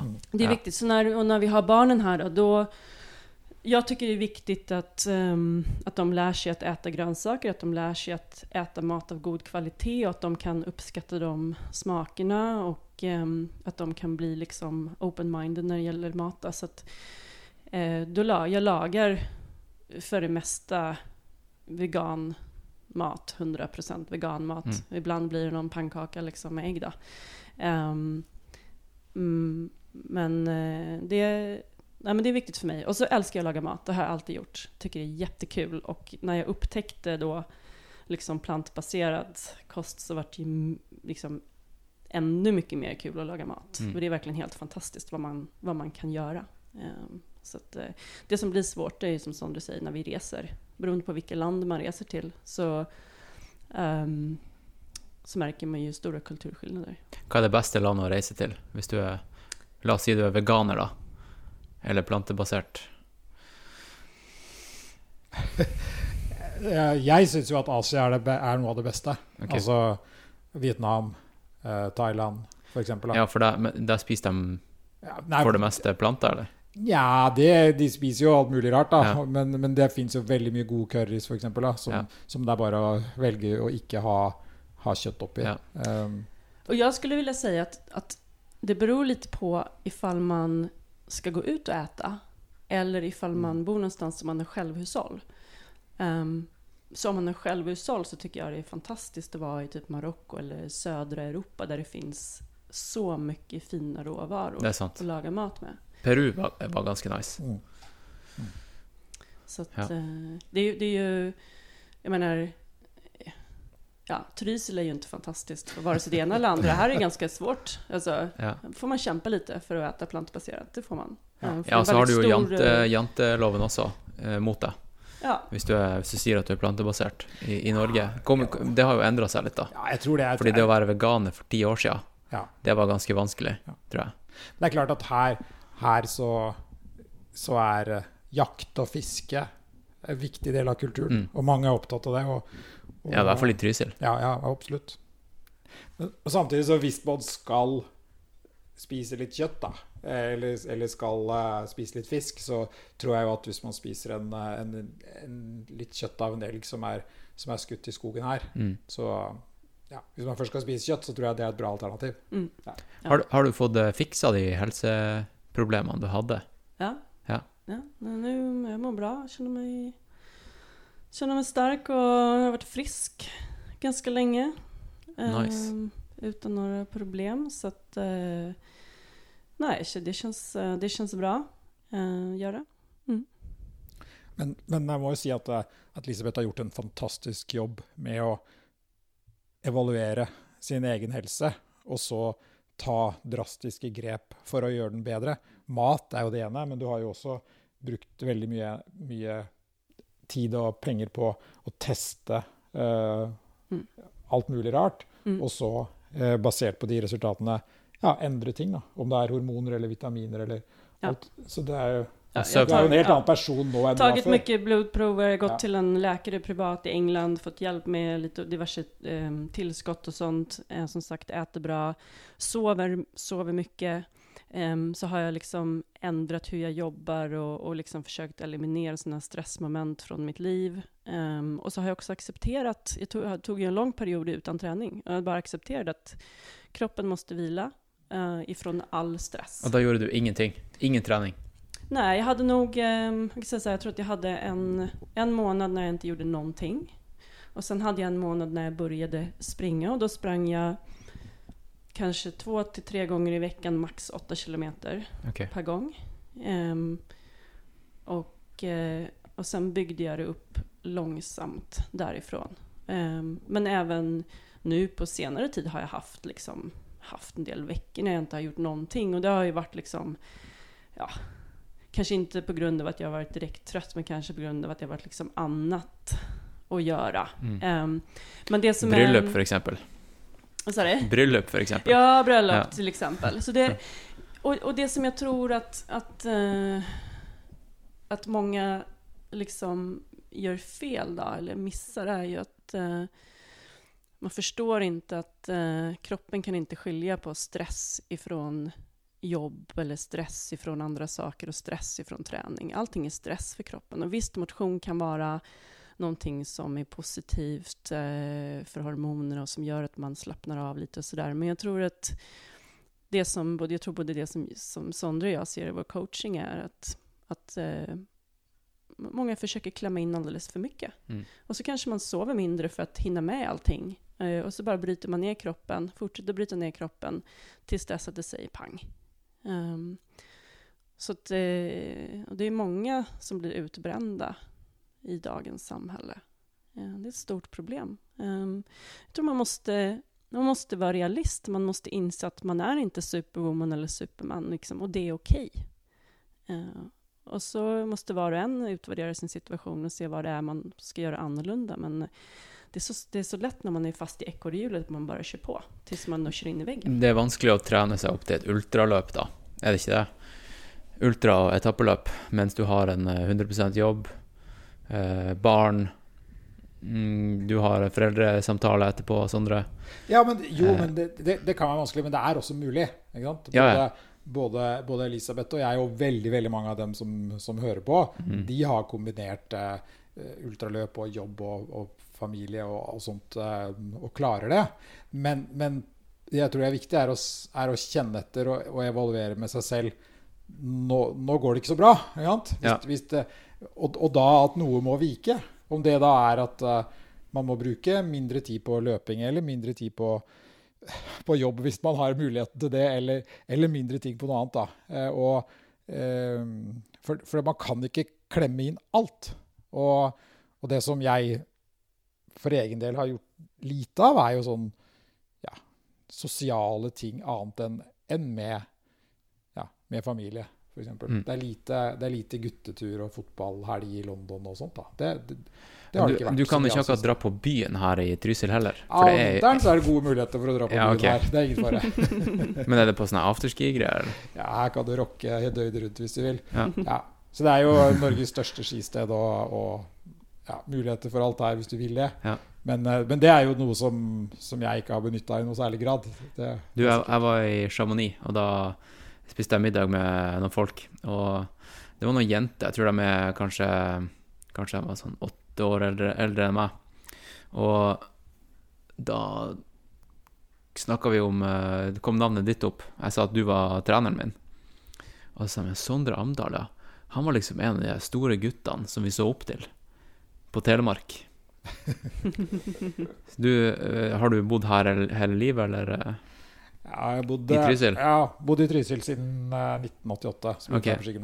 For det var ski som var greia Ja, før? Det var ski Ja. som var greia i mange år. Og alpint, og så ble det Telemark. Og, og var en av dem som ja, som uh, gjorde det ganske bra på Telemark på 90-tallet.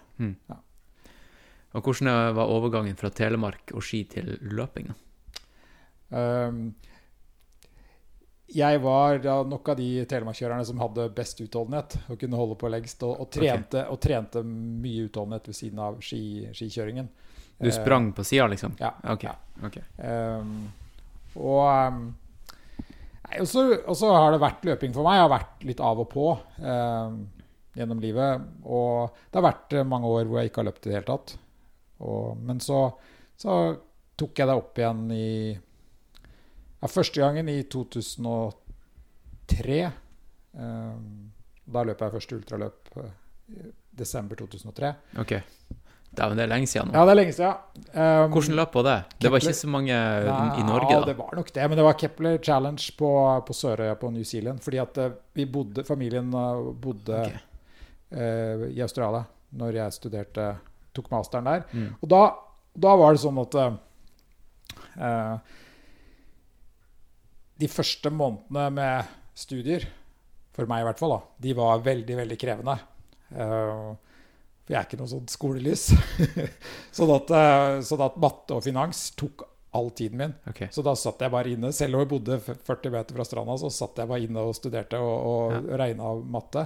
Og da ble jeg litt dårlig form og gikk opp noen kilo og sånt, da, som, som er helt vanlig. Så da i mai eh, så bestemte jeg meg nei, nå må jeg begynne å trene.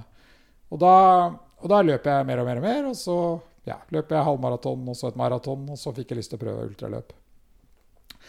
Og så etter det så ble det veldig mye jobb eh, og, og barn.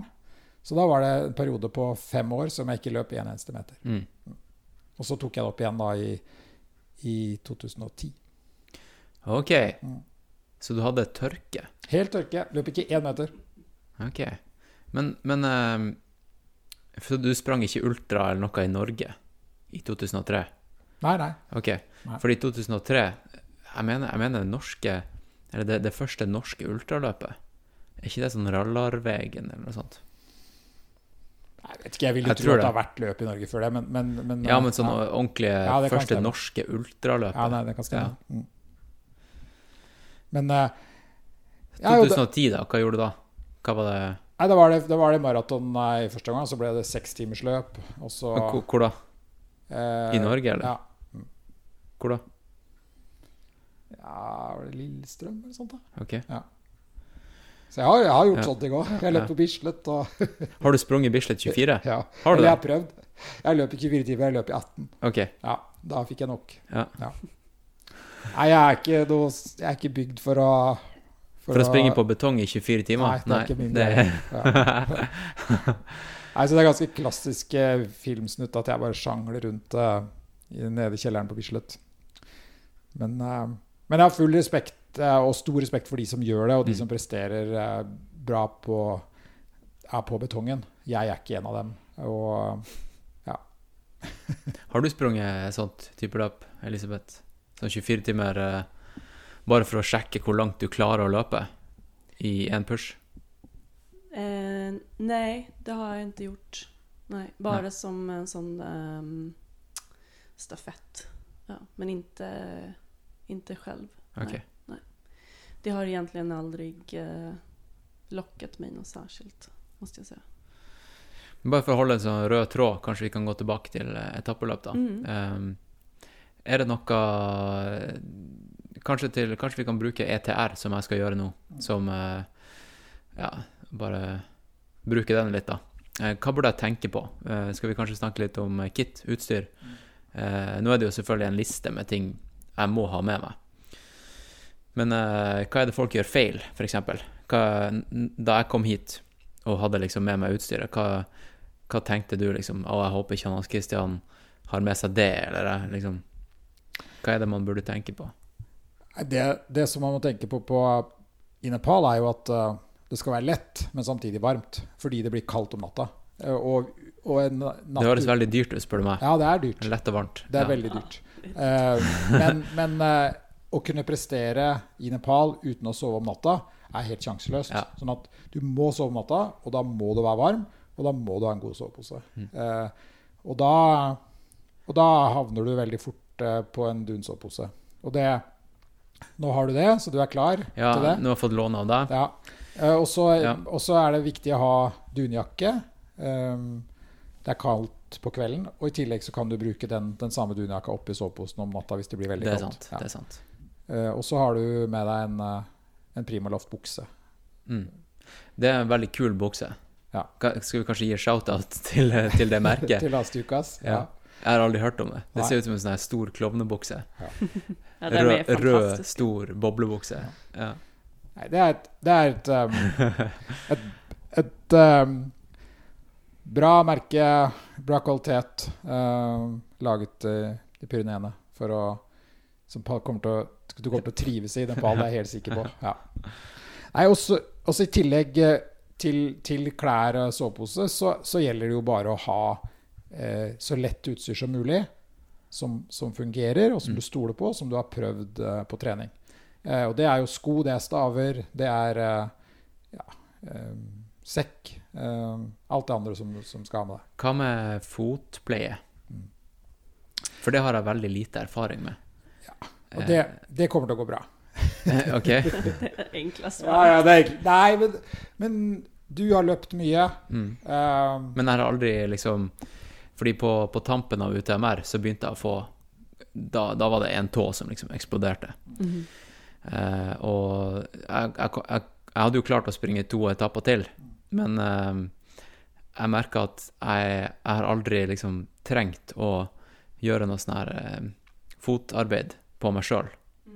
Jeg vet liksom ikke hva jeg skal gjøre hvis jeg får en stor blåtå med masse blemmer og sånn her. Hva jeg skal Mm. gjøre? Ja, det må du lære av Elisabeth. Eh, ja, nej men då, um, det som är kanske det viktigaste att man har med sig, det är ju dels kanske några sådana här uh, desinfekterande wipes, och kanske några små alkoholwipes. Okay. Um, så att man uh, först då rengör, uh, man säger att man får det på tån då, man rengör ordentligt med en alkoholwipe, tå, hela tån uh, och det här området. Sen kan man ha med sig en uh, sån steril uh, nål. Ehm, Må du ta og fyre bruke lighteren? For Nei, å, det du kan gjøre, er å gå på apoteket og kjøpe kanyler ja, hva er det? ja. til som du bruker altså sprøytespisser. Okay. Som knarkerne bruker. Ja. Ja. Det er bare å kjøpe det. ja. De er veldig, de er veldig bra. Jeg kan bare gå ned på Nybrua i Oslo. De er veldig bra, så med ett par sånne. Um, og det går å återanvende om man tvetter dem med alkoholwipes da. Men annars kan man ha med seg et par, tre stykker, kanskje de er ekstremt lette. Og så um, gjør man hål på blåsan. Mm. Eh, Se till att vätskan eh, kommer ut. og och sen så eh, gör man en tejpapplikation då på. Och då tycker jag att det är väldigt bra att använda en tejp som heter Hyperfix. Och det är en väldigt tunn tejp med lite elasticitet i som eh, eh, man kan köpa på apoteket tror jag. Den är ganska vanlig att ha om man eh, tejpar på till exempel en kompress på ett sår och sådär. Så att den är okay. vanlig inom sjukvården, borde finnas på apoteket. Um, det är en tunn bra tejp som inte tar så mycket plats. eh, För att problemet när du tejpar tårna är det ju att också att eh, ehm, eller någonting annat på foten, där är att hela foten tar mera plats i skon. Um. Så det är viktigt att tänka på också tycker jag, att man inte använder för tjock tejp. Um, nu kom jag just nu inte ihåg namnet, men det finns en, ehm, en eh, tjej i Australien som är väldigt duktig på fotvård och tejp och allt sånt där och specialiserar sig på ultra. Så att, eh, På YouTube? Eh, ja, precis. Och hon har små korta videos för olika tejpapplikationer. Som, Okej. Det kan vara väldigt bra att kolla. Så vi kan ju lägga det i show notes. Det kan vi göra. Ja. Det kan vi gjøre. Um, så det, det är ett tips. Bara kolla på ett par YouTube-videos kanske innan man åker. Och Mm. så att man har med sig basics då. Alkohol wipes, lite tejp och eh, ett par nålar. Så klarar man sig. Men, men det viktigste er å unngå å få for mye problemer. Mm. Så da må du ha på bra sko og bra sokker. Og du må Mm. ha testa det i forkant. Ja, ja, Ja. selvsagt. Mm. Ja, ja, ja. Och det som mange, det som mange gjør fel da, eh, tycker jeg, det er at man kanskje ikke gjør spesifikk nok trening. Så at man kanskje til eksempel så sier at du skal til ITR. Um, om du mest springer platt hjemme, typ, Mm. og så kommer du til ITR, du skal bare gå opp og ned for fjell hele dagen. Då har du inte tränat och kollat att hur dina fötter reagerar på det i de skorna du har. Så det är viktigt att man liksom tänker på ja, vad är det för terräng och kommer jag gå eller kommer jag springa hela tiden? Mm. Och att man tränar på det som man faktiskt ska göra. Sen tycker jag det är viktigt, när, man- speciellt när man ska gå mycket nerför, att man har snört skorna korrekt. Ehm, för att annars så kommer foten att glida fram i skon. Ehm, och det är ett stort problem för tårna. Mm. Eh, och sen så om man vet med sig från träning att man kanske kommer att få problem eller tror att man kommer att få det, då kan man ju använda anti-chafing-produkter. Alltså det, det brukar jag göra, jag tycker det är väldigt bra i förebyggande syfte. Um, okay. Så att jag använder en, eh, en um, sån här anti-chafing cream från Nya Zeeland som heter Gurney Goo. Som är antiseptisk för den har tea tree oil i sig, så då får man liksom lite dubbel sån effekt. Okay. Um, den Har den jag bra. Det fins kjøpt i Norge også. Okay. Altså Ja. forskjellige sånne produkter som du tar Ja, på. det, kan, det fins Ja. alle mulige produkter, men det, det som de alle har gemensamt er at de eh, minsker friksjon. friktion. og så sen är det en del som også har en litt sånn vannavvisende effekt. Så springer man gjennom bekker og sånt, eller om man svettes mye, så kan det være, um, kan det være bra. Ok. Så skyller Men- Men må jeg også si at eh, jeg aldri har brukt det som produkt i hele mitt liv, og klart Nei. meg godt. Ja. Så det, det, er fint å, det er fint å ha, og det er veldig, jeg tror det er veldig viktig å trene på på forhånd. Eh, Men det er ikke noe krav om at, om at man absolutt skal bruke masse salver. Nei, men alle reagerer ulike. Ja, og jeg vet at det hjelper meg, men alle er ulike. Men den beste, beste forebyggende metoden, det er jo trening. Ja. Uh, Ja, det er sant. Mm. Bruker du noe vaselin på, i skrittet, Sondre? Ingenting. Fordi det, det syns jeg er artig, fordi at eh, det er liksom bare Alle gjør det i race, men ingen gjør det i trening. mm. Men jeg har aldri, jeg har aldri slitt med noe Har du gjort treningen liksom under rett förhållanden och med, med rätt längd och så vidare så ska ju ingenting som ska hända under loppet som Nej. liksom inte händer i träning. Men eh, som jag vet till exempel att, att om jag springer i mer än två timmar då får jag ett ganska dåligt skavsår på ett ställe av min sport-bh. Så där tejpar jag. Och det vet okay. jag. Det måste ja. jag göra i träning och det måste jag göra i lopp. Men det vet jag liksom. det det, jeg løp, da jeg løp UTB i 20, 2014, så var det første laggeløpet. Mm. Og da, og da had, brukte jeg ikke truse under løpeshortsen. Okay. Uh, og da kom jeg til Courmayeur og hadde store, store problemer. Da hadde jeg løpt hele natta. Uh, og da husker jeg at eh, jeg fikk, fikk en truse av, av, av de som hjalp meg, da. Og, og tok av meg på vei ut av, av eh, byen, da, ute av Courmayeur. Ja. Så tok jeg av alt og satte på meg trusa og, og tok på shortsen igjen. Og løp videre, og alt var bra. Eh, men hvis ikke så hadde jeg jo ikke kunnet gjennomføre. For jeg hadde jo store kjøttsår på, på utstyret. Så, så det, men det er sånn som man lærer i trening, da. Ja. Så da har jeg alltid truse under shortsen. Mm. Eh, nå er det ikke lenge til vi skal til eh, Gran Canaria. Nei. Det blir gøy. Det blir fett. Ja. Eh, når er det vi egentlig skal dra dit? Eh, Vi har, eh, vi har tre camper som begynner Den første begynner 18.1. Mm. Så da er det tre muligheter til å, til å løpe sammen med, ja, sammen med oss på noe av verdens aller beste stier. Absolutt. Det, det, er jo, det er jo noen lyttere, det er sikkert et par, som hører denne episoden, at det her er liksom den første episoden de hører. Mm. Eh, men så er det veldig mange andre også som kanskje vet, eller som har hørt eh, alle episodene. Og det, jeg tror det er to episoder nå fra Gran Canaria, Mm. eller tre, foregående år. Og kanskje to løpende intervju med deg og Didrik. Og så litt sånn reportasjeopplegg fra selve campen. Men eh, kan dere ikke fortelle lytteren hva, hva er det slags opplegg? Hva, og hva var det som fikk, fikk deg til å starte campen? da? Historikken og Ja, jeg har alltid vært eh, Jeg har alltid vært veldig glad i Gran Canaria. mm, Og eh, var der sammen med Didrik Hermansen um, første gang i 2012, tror jeg. Okay. Og da, da bodde vi på et fint, hotell, fint lite hotell i Teheda og trente og forberedte oss til, eh, til Trans Gran Canaria.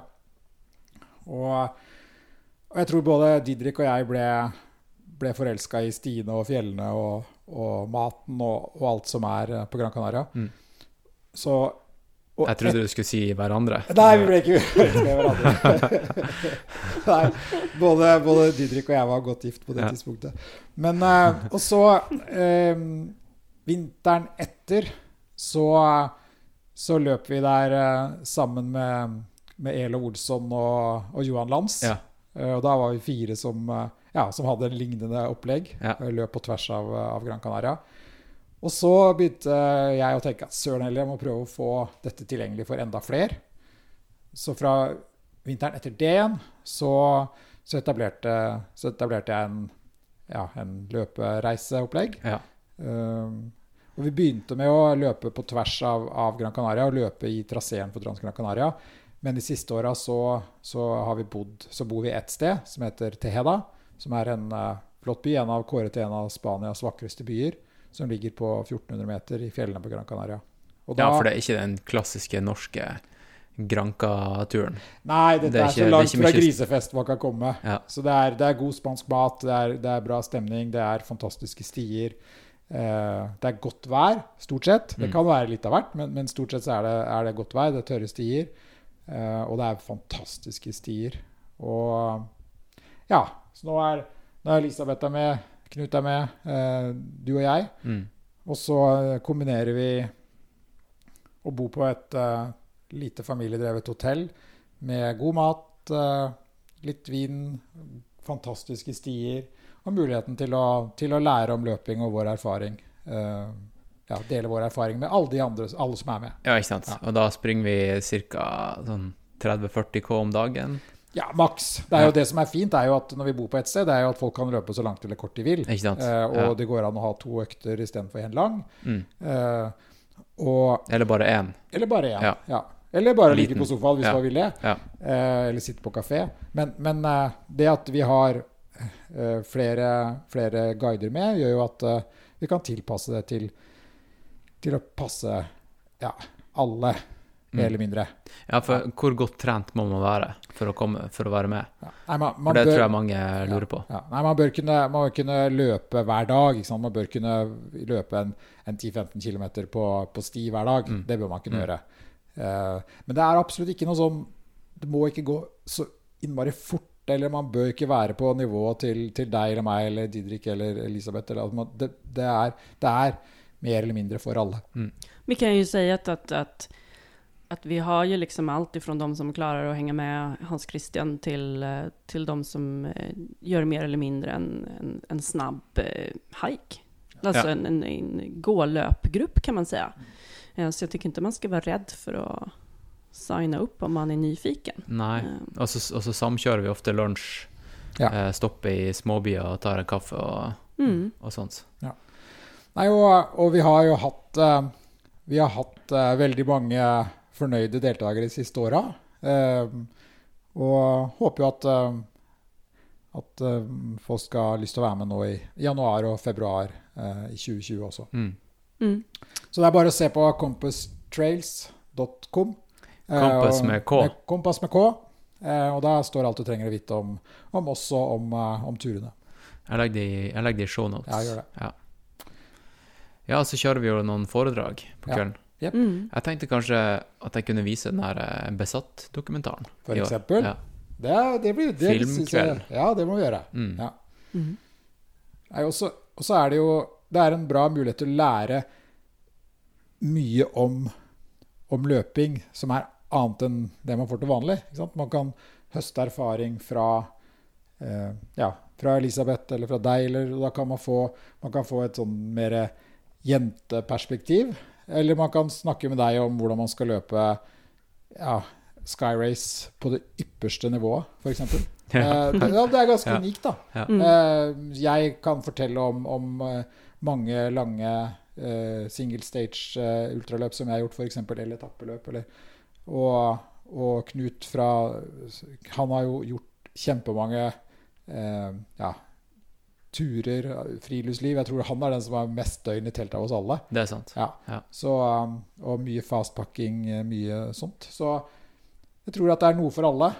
eh, Og inspirerende å, å være sammen med oss eh, i, i de fem dagene som, som den turen er. Mm. Ja. Uh, skal vi se, nå er det Hvilken dato er det i dag? Det er 15. oktober. Ja, du skal snart i foreldremøte, eller hva var det? Ja, må følge med litt om hvordan det går med jentene på skolen. Ja. Ja.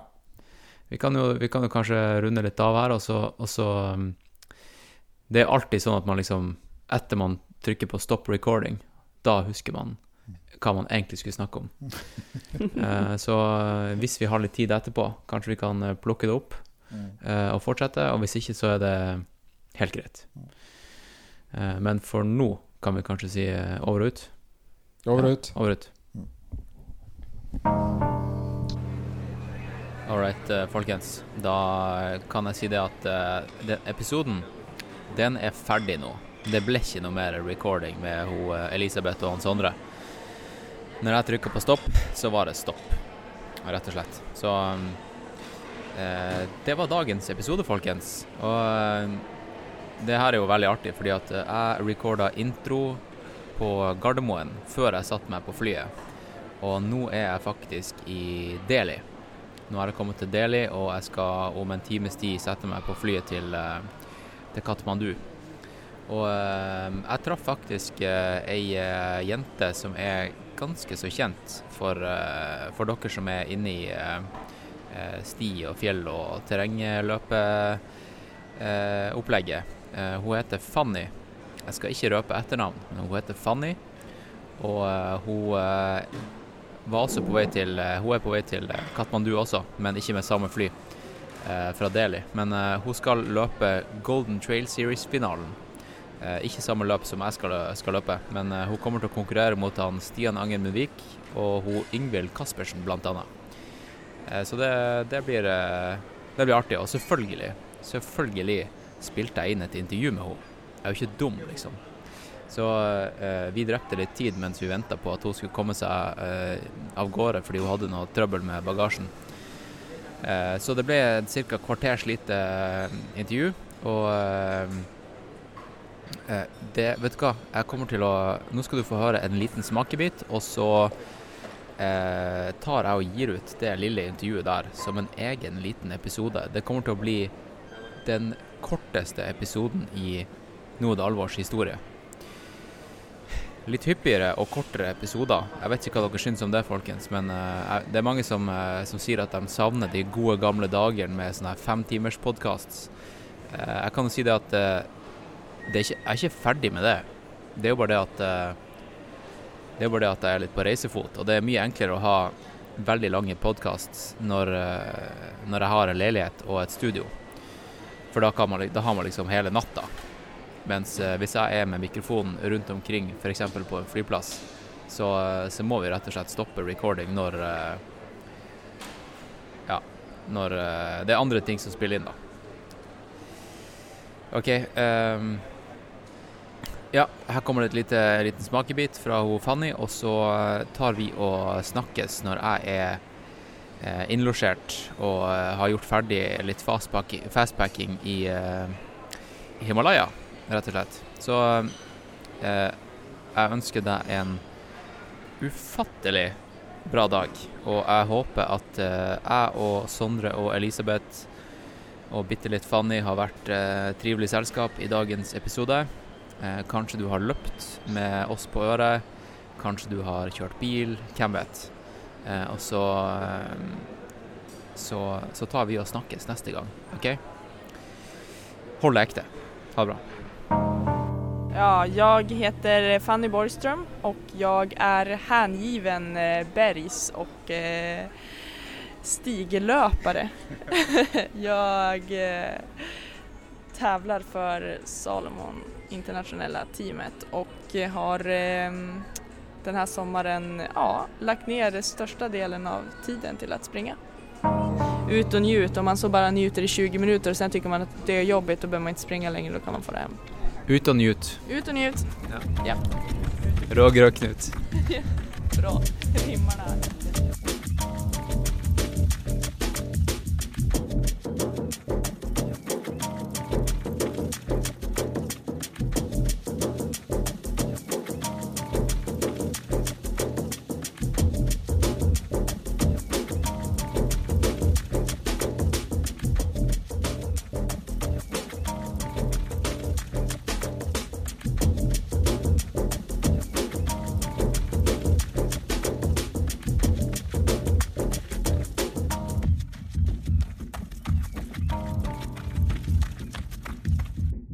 Ut og nyt. Ut og nyt. Ja.